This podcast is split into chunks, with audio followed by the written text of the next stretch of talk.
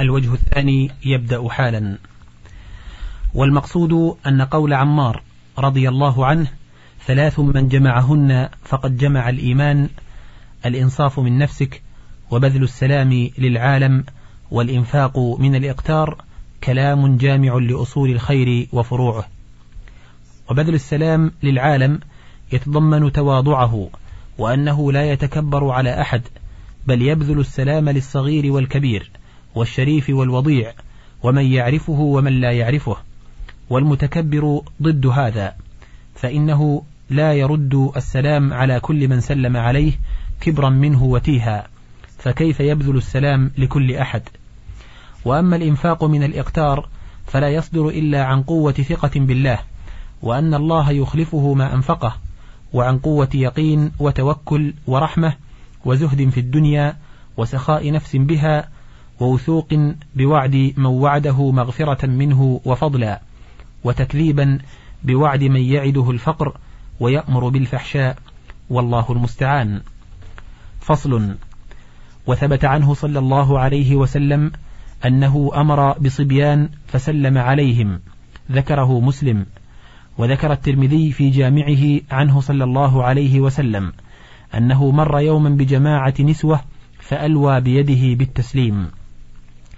وقال أبو داود عن أسماء بنت يزيد مر علينا النبي صلى الله عليه وسلم في نسوة فسلم علينا وهي رواية حديث الترمذي. والظاهر أن القصة واحدة وأنه سلم عليهن بيده. وفي صحيح البخاري أن الصحابة كانوا ينصرفون من الجمعة فيمرون على عجوز في طريقهم فيسلمون عليها. فتقدم لهم طعاما من أصول السلق والشعير. وهذا هو الصواب في مسألة السلام على النساء يسلم على العجوز وذوات المحارم دون غيرهن. فصل وثبت عنه في صحيح البخاري وغيره تسليم الصغير على الكبير والمار على القاعد والراكب على الماشي والقليل على الكثير. وفي جامع الترمذي عنه يسلم الماشي على القائم. وفي مسند البزار عنه يسلم الراكب على الماشي والماشي على القاعد والماشيان أيهما بدأ فهو أفضل. وفي سنن أبي داود عنه إن أولى الناس بالله من بدأهم بالسلام. وكان من هديه صلى الله عليه وسلم السلام عند المجيء إلى القوم والسلام عند الانصراف عنهم. وثبت عنه أنه قال إذا قعد أحدكم فليسلم وإذا قام فليسلم وليست الأولى أحق من الآخرة. وذكر أبو داود عنه إذا لقي أحدكم صاحبه فليسلم عليه فإن حال بينهما شجرة أو جدار ثم لقيه فليسلم عليه أيضا. وقال أنس كان أصحاب رسول الله صلى الله عليه وسلم يتماشون فإذا استقبلتهم شجرة أو أكمة تفرقوا يمينا وشمالا. وإذا التقوا من ورائها سلم بعضهم على بعض. ومن هديه صلى الله عليه وسلم أن الداخل إلى المسجد يبتدئ بركعتين تحية المسجد ثم يجيء فيسلم على القوم فتكون تحية المسجد قبل تحية أهله. فإن تلك حق الله تعالى والسلام على الخلق هو حق لهم وحق الله في مثل هذا أحق بالتقديم بخلاف الحقوق المالية فإن فيها نزاعا معروفا والفرق بينهما حاجة الآدمي وعدم اتساع الحق المالي لأداء الحقين بخلاف السلام. وكانت عادة القوم معه كذلك يدخل أحدهم المسجد فيصلي ركعتين ثم يجيء فيسلم على النبي صلى الله عليه وسلم. ولهذا جاء في حديث رفاعة ابن رافع أن النبي صلى الله عليه وسلم بينما هو جالس في المسجد يوما قال رفاعة ونحن معه إذ جاء رجل كالبدوي فصلى فأخف صلاته ثم انصرف فسلم على النبي صلى الله عليه وسلم. فقال النبي صلى الله عليه وسلم وعليك فارجع فصلي فإنك لم تصلي. وذكر الحديث فأنكر عليه صلاته ولم ينكر عليه تأخير السلام عليه صلى الله عليه وسلم. إلى ما بعد الصلاة. وعلى هذا فيسن لداخل المسجد إذا كان فيه جماعة ثلاث تحيات مترتبة أن يقول عند دخوله بسم الله والصلاة على رسول الله ثم يصلي ركعتين تحية المسجد ثم يسلم على القوم. فصل وكان إذا دخل على أهله بالليل يسلم تسليما لا يوقظ النائم ويسمع اليقظان. ذكره مسلم. فصل. وذكر الترمذي عنه عليه السلام السلام قبل الكلام. وفي لفظ آخر لا تدعو أحدا إلى الطعام حتى يسلم. وهذا وإن كان إسناده وما قبله ضعيفا فالعمل عليه. وقد روى أبو أحمد بإسناد أحسن منه من حديث عبد العزيز بن أبي رواد عن نافع عن ابن عمر قال قال رسول الله صلى الله عليه وسلم السلام قبل السؤال فمن بدأكم بالسؤال قبل السلام فلا تجيبوه. ويذكر عنه أنه كان لا يأذن لمن لم يبدأ بالسلام. ويذكر عنه لا تأذنوا لمن لم يبدأ بالسلام. وأجود منها ما رواه الترمذي عن كلدة ابن حنبل أن صفوان بن أمية بعثه بلبن ولبأ وجداية وضغابيس إلى النبي صلى الله عليه وسلم. والنبي صلى الله عليه وسلم بأعلى الوادي. قال فدخلت عليه ولم أسلم ولم أستأذن. فقال النبي صلى الله عليه وسلم ارجع فقل السلام عليكم أأدخل؟ قال هذا حديث حسن غريب. وكان إذا أتى باب قوم لم يستقبل الباب من تلقاء وجهه ولكن من ركنه الأيمن أو الأيسر فيقول السلام عليكم السلام عليكم. فصل وكان يسلم بنفسه على من يواجهه ويحمل السلام لمن يريد السلام عليه من الغائبين عنه ويتحمل السلام لمن يبلغه إليه. كما تحمل السلام من الله عز وجل على صديقة النساء خديجة بنت خويلد رضي الله عنها لما قال له جبريل هذه خديجة قد أتتك بطعام فاقرأ عليها السلام من ربها ومني وبشرها ببيت في الجنة. وقال للصديقة الثانية بنت الصديق عائشة رضي الله عنها هذا جبريل يقرأ عليك السلام. فقالت وعليه السلام ورحمة الله وبركاته يرى ما لا أرى. فصل وكان هديه انتهاء السلام إلى وبركاته. فذكر النسائي عنه أن رجلا جاء فقال السلام عليكم. فرد عليه النبي صلى الله عليه وسلم وقال عشرة. ثم جلس ثم جاء آخر فقال السلام عليكم ورحمة الله. فرد عليه النبي صلى الله عليه وسلم وقال عشرون. ثم جلس وجاء آخر فقال السلام عليكم ورحمة الله وبركاته. فرد عليه رسول الله صلى الله عليه وسلم وقال ثلاثون. رواه النسائي والترمذي من حديث عمران بن حسين وحسنه. وذكره أبو داود من حديث معاذ بن أنس وزاد فيه. ثم أتى آخر فقال السلام عليكم ورحمة الله وبركاته ومغفرته. فقال أربعون. فقال هكذا تكون الفضائل. ولا يثبت هذا الحديث فإن له ثلاث علل. إحداها أنه من رواية أبي مرحوم عبد الرحيم بن ميمون ولا يحتج به. الثانية أن فيه أيضا سهل بن معاذ وهو أيضا كذلك. الثالثة أن سعيد بن أبي مريم أحد رواته لم يجزم بالرواية بل قال أظن أني سمعت نافع بن يزيد. وأضعف من هذا الحديث الآخر عن أنس كان رجل يمر بالنبي صلى الله عليه وسلم يقول السلام عليك يا رسول الله. فيقول له النبي صلى الله عليه وسلم وعليك السلام ورحمة الله وبركاته ومغفرته ورضوانه. فقيل له يا رسول الله تسلم على هذا سلاما ما تسلمه على أحد من أصحابك. فقال وما يمنعني من ذلك وهو ينصرف بأجر بضعة عشر رجلا وكان يرعى على أصحابه. فصل وكان من هديه صلى الله عليه وسلم أن يسلم ثلاثا كما في صحيح البخاري. عن أنس رضي الله عنه قال كان رسول الله صلى الله عليه وسلم إذا تكلم بكلمة أعادها ثلاثا حتى تفهم عنه وإذا أتى على قوم فسلم عليهم سلم ثلاثا ولعل هذا كان هديه في السلام على الجمع الكثير الذين لا يبلغهم سلام واحد أو هديه في إسماع السلام الثاني والثالث إن ظن أن الأول لم يحصل به الإسماع كما سلم لما انتهى إلى منزل سعد بن عبادة ثلاثا فلما لم يجبه أحد رجع وإلا فلو كان هديه الدائم التسليم ثلاثا لكان أصحابه يسلمون عليه كذلك.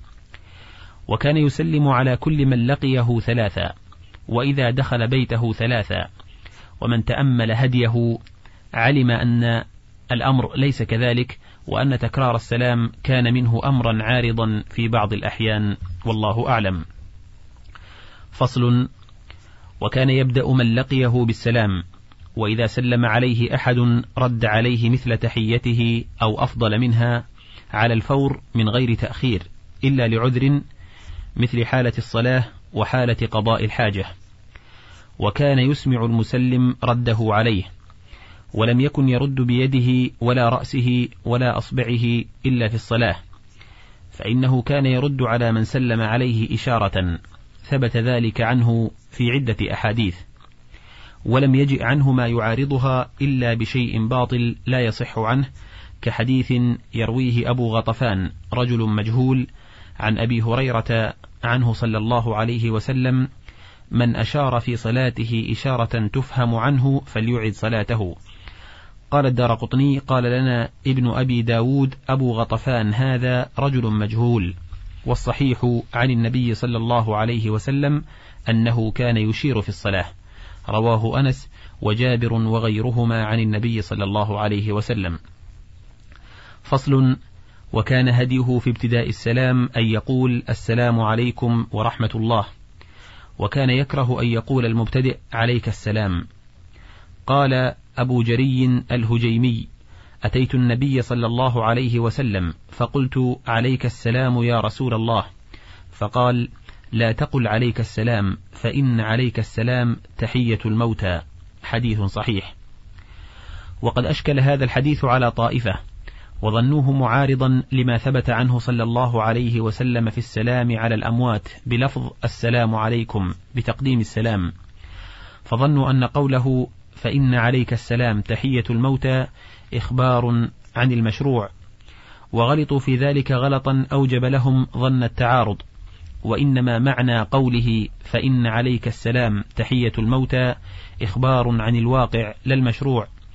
أي إن الشعراء وغيرهم يحيون الموتى بهذه اللفظة كقول قائلهم عليك سلام الله قيس بن عاصم ورحمته ما شاء يترحما فما كان قيس هلكه هلك واحد ولكنه بنيان قوم تهدما. فكره النبي صلى الله عليه وسلم أن يحيى بتحية الأموات ومن كراهته لذلك لم يرد على المسلم بها. وكان يرد على المسلم وعليك السلام بالواو وبتقديم عليك على لفظ السلام. وتكلم الناس ها هنا في مسألة وهي لو حذف الراد الواو فقال عليك السلام هل يكون صحيحا؟ فقالت طائفة منهم المتولي وغيره لا يكون جوابا ولا يسقط به فرض الرد لأنه مخالف لسنة الرد ولأنه لا يعلم هل هو رد أو ابتداء تحية فإن صورته صالحة لهما. ولأن النبي صلى الله عليه وسلم قال إذا سلم عليكم أهل الكتاب فقولوا وعليكم. فهذا تنبيه منه على وجوب الواو في الرد على أهل الإسلام. فإن الواو في مثل هذا الكلام تقتضي تقرير الأول وإثبات الثاني.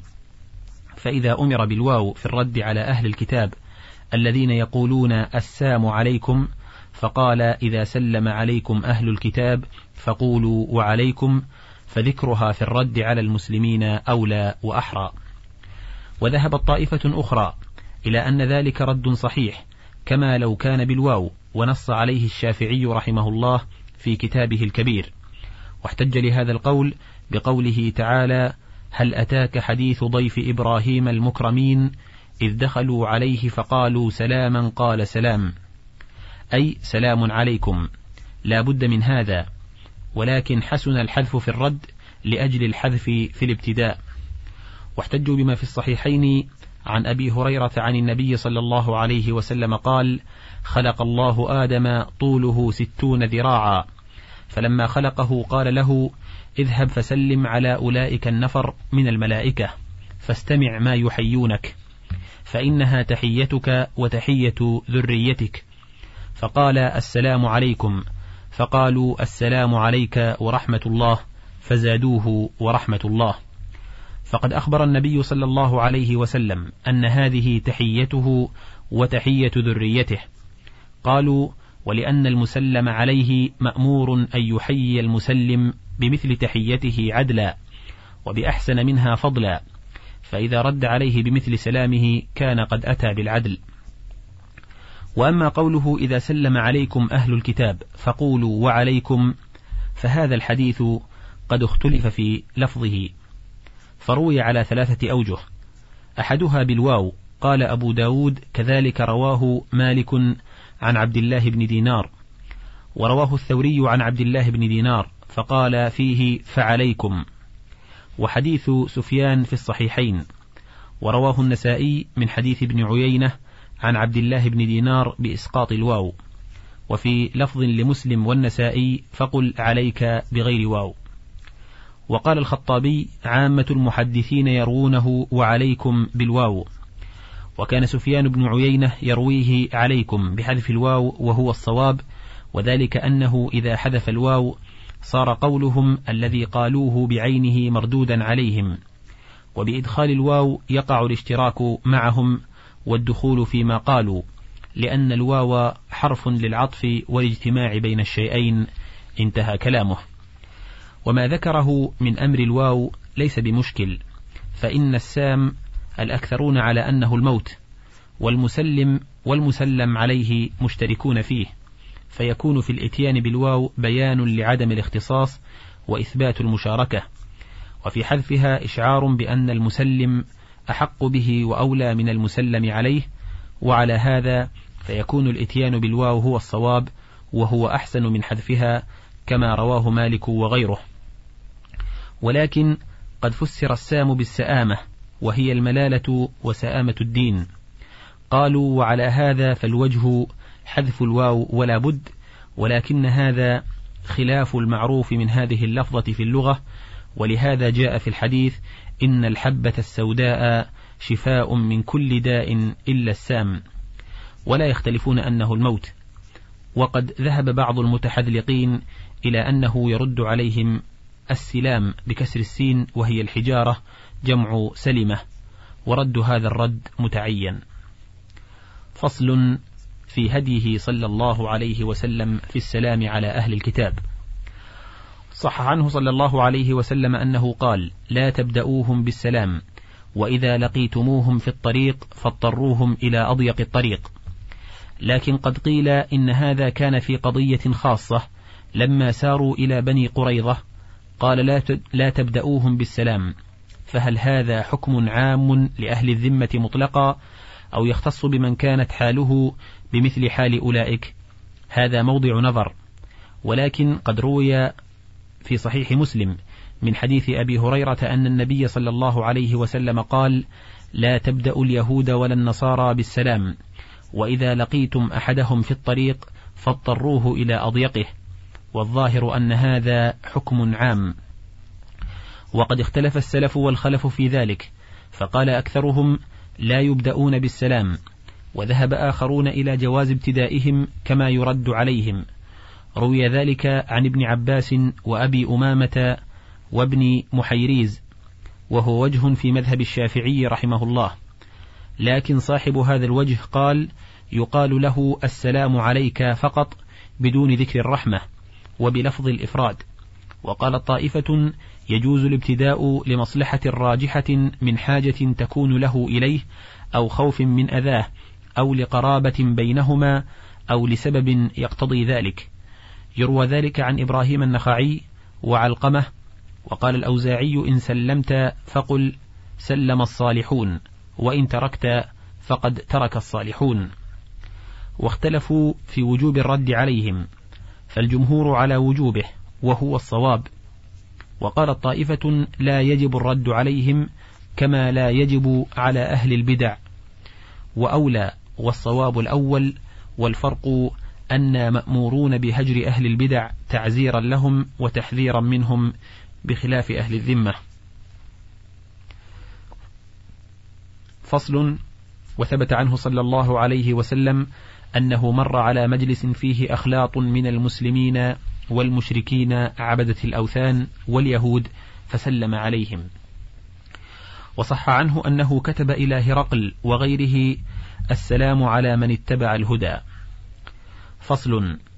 ويذكر عنه صلى الله عليه وسلم أنه قال يجزئ عن الجماعة إذا مروا أن يسلم أحدهم ويجزئ عن الجلوس أن يرد أحدهم. فذهب إلى هذا الحديث من قال إن الرد فرض كفاية يقوم فيه الواحد مقام الجميع. لكن ما أحسنه لو كان ثابتا فإن هذا الحديث رواه أبو داود من رواية سعيد بن خالد الخزاعي المدني. قال أبو زرعة الرازي مدني ضعيف وقال أبو حاتم الرازي ضعيف الحديث وقال البخاري فيه نظر وقال الدار قطني ليس بالقوي فصل وكان من هديه صلى الله عليه وسلم إذا بلغه أحد السلام عن غيره أن يرد عليه وعلى المبلغ كما في السنن أن رجلا قال له إن أبي يقرئك السلام فقال له عليك وعلى أبيك السلام. وكان من هديه ترك السلام ابتداء وردا على من أحدث حدثا حتى يتوب منه كما هجر كعب بن مالك وصاحبيه. وكان كعب يسلم عليه ولا يدري هل حرك شفتيه برد السلام عليه أم لا. وسلم عليه عمار بن ياسر وقد خلقه أهله بزعفران فلم يرد عليه فقال اذهب فاغسل هذا عنك. وهجر زينب بنت جحش شهرين وبعض الثالث لما قال لها أعطي صفية ظهرا لما اعتل بعيرها. فقالت أنا أعطي تلك اليهودية. ذكرهما أبو داود. فصل في هديه صلى الله عليه وسلم في الاستئذان. وصح عنه صلى الله عليه وسلم أنه قال الاستئذان ثلاث فإن أذن لك وإلا فارجع. وصح عنه صلى الله عليه وسلم أنه قال إنما جعل الاستئذان من أجل البصر. وصح عنه صلى الله عليه وسلم أنه أراد أن يفقأ عين الذي نظر إليه من جحر في حجرته وقال إنما جعل الاستئذان من أجل البصر. وصح عنه أنه قال لو أن امرأ اطلع عليك بغير إذن فخذفته بحصاة ففقأت عينه لم يكن عليك جناح وصح عنه أنه قال من اطلع على قوم في بيتهم بغير إذنهم فقد حل لهم أن يفقأوا عينه وصح عنه أنه قال من اطلع في بيت قوم بغير إذنهم ففقأوا عينه فلا دية له ولا قصاص وصح عنه التسليم قبل الاستئذان فعلا وتعليما واستأذن عليه رجل فقال أألج؟ فقال رسول الله صلى الله عليه وسلم لرجل اخرج إلى هذا فعلمه الاستئذان. فقال له قل السلام عليكم أأدخل؟ فسمعه الرجل فقال السلام عليكم أأدخل؟ فأذن له النبي صلى الله عليه وسلم فدخل. ولما استأذن عليه عمر رضي الله عنه وهو في مشربته مؤليا من نسائه قال السلام عليك يا رسول الله السلام عليكم أيدخل عمر؟ وقد تقدم قوله صلى الله عليه وسلم لكلدة ابن حنبل لما دخل عليه ولم يسلم ارجع فقل السلام عليكم أأدخل وفي هذه السنن رد على من قال يقدم الاستئذان على السلام. ورد على من قال إن وقعت عينه على صاحب المنزل قبل دخوله بدأ بالسلام وإن لم تقع عينه عليه بدأ بالاستئذان والقولان مخالفان للسنة.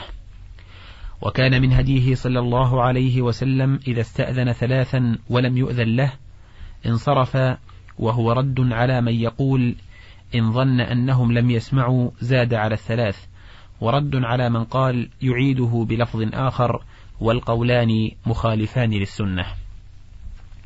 فصل وكان من هديه أن المستأذن إذا قيل له من أنت يقول فلان بن فلان أو يذكر كنيته أو لقبه ولا يقول أنا كما قال جبريل للملائكة في ليلة المعراج لما استفتح باب السماء فسألوه من؟ فقال جبريل واستمر ذلك في كل سماء سماء. وكذلك في الصحيحين لما جلس النبي صلى الله عليه وسلم في البستان وجاء أبو بكر رضي الله عنه فاستأذن فقال من؟ قال أبو بكر أبو بكر. ثم جاء عمر فاستأذن فقال من؟ قال عمر. ثم عثمان كذلك. وفي الصحيحين عن جابر أتيت النبي صلى الله عليه وسلم فدققت الباب فقال من ذا؟ فقلت أنا. فقال أنا أنا. كأنه كرهها. ولما استأذنت أم هانئ قال لها من هذه؟ قالت أم هانئ فلم يكره ذكرها الكنية. وكذلك لما قال لأبي ذر من هذا؟ قال أبو ذر. وكذلك لما قال لأبي قتادة من هذا؟ قال أبو قتادة. فصل. وقد روى أبو داود عنه صلى الله عليه وسلم من حديث قتادة عن أبي رافع عن أبي هريرة رسول الرجل إلى الرجل إذنه. وفي لفظ إذا دعي أحدكم إلى طعام ثم جاء مع الرسول فإن ذلك إذن له. وهذا الحديث فيه مقال. قال أبو علي اللؤلؤي سمعت أبا داود يقول قتادة لم يسمع من أبي رافع. وقال البخاري في صحيحه وقال سعيد عن قتادة عن أبي رافع عن أبي هريرة عن النبي صلى الله عليه وسلم هو إذنه فذكره تعليقا لأجل الانقطاع في إسناده. وذكره البخاري في هذا الباب حديثا يدل على أن اعتبار الاستئذان بعد الدعوة وهو حديث مجاهد عن أبي هريرة دخلت مع النبي صلى الله عليه وسلم فوجدت لبنا في قدح فقال اذهب إلى أهل الصفة فادعهم إلي. قال فأتيتهم فدعوتهم فأقبلوا فاستأذنوا فأذن لهم فدخلوا. وقد قالت طائفة إن الحديثين على حالين فإن جاء الداعي على الفور من غير تراخ لم يحتج إلى استئذان. وإن تراخى مجيئه عن الدعوة وطال الوقت احتاج إلى استئذان. وقال آخرون إن كان عند الداعي من قد أذن له قبل مجيء المدعو لم يحتج إلى استئذان آخر. وإن لم يكن عنده من قد أذن له لم يدخل حتى يستأذن. وكان رسول الله صلى الله عليه وسلم إذا دخل إلى مكان يحب الانفراد فيه أمر من يمسك الباب فلم يدخل عليه أحد إلا بإذن. انتهى الشريط الثامن والعشرون من كتاب زاد المعاد في هدي خير العباد وله بقية على الشريط التاسع والعشرين.